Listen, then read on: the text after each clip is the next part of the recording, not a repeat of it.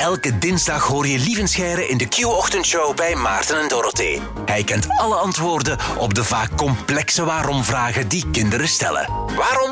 Daarom. Goedemorgen, lieve Scheiren. Hoe gaat het? Goed, goed. Het is hier eh, een verandering van presentatie. Het is beter, hè? Ja, ja, eh, ja ik ga... eh, vraag het me nog eens als de micro afstaat.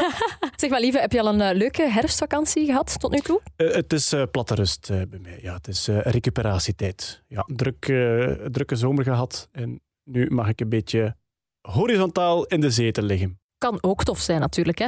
Ik kan me wel voorstellen dat jouw hoofd nooit stilstaat, zelfs niet als je horizontaal in de zetel ligt.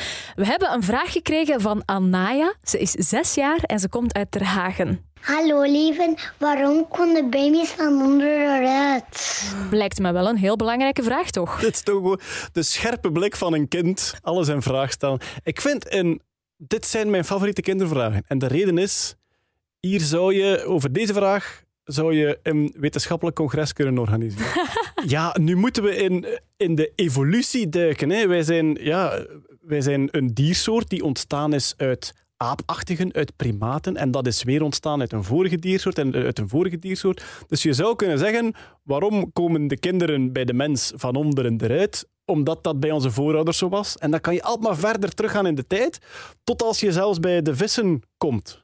Al het leven op het land stamt oorspronkelijk af van leven in het water. Hè. Dus eigenlijk van vissen die dan aan land gekomen zijn, veranderd zijn in reptielen, in amfibieën, in zoogdieren. En bij de vissen al zien we dat de eitjes langs de achterkant eruit komen. Hè, bij de cloaca dan. En dan zou je moeten verder gaan naar wat was er voor de vissen? Goh, dan kom je aan een soort kwalachtige lange structuurtjes die zelfs amper een kop hadden. Maar dat, was, ja, dat is dan meer een soort kolonie van cellen. En daar zie je ook al dat, dat, dat lichaamssysteem, waarbij eigenlijk, laat ons zeggen, en ik probeer het beschaafd te houden, maar alles wat we in ons lijf steken gebeurt meestal langs boven.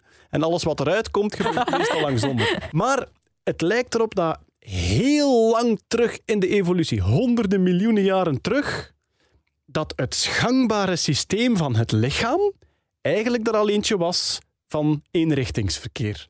Eh, van boven erin, van achter eruit, zowel met voedsel als met alles wat je maar wil. En dus het leggen van eieren, want in die fase waren al die dieren waar wij van afstammen, dus waar we de gewervelde dieren van afstammen, de dieren met een skelet, de zoogdieren, de vogels, de vissen, de amfibieën en de reptielen, die, ja, die voorouders die hadden allemaal dat systeem waarbij ja, de eitjes dan langs de achterkant eruit kwamen. En wij zijn nu rechtop beginnen lopen, dus onze achterkant is nu onze onderkant. Maar waarom dat precies die lichaamsstructuur zodanig succesvol geweest is in de evolutie, daar zou je dus een wetenschappelijk congres over kunnen organiseren met biologen. En die gaan daar allerlei theorieën over hebben en hopelijk dichter bij de waarheid komen.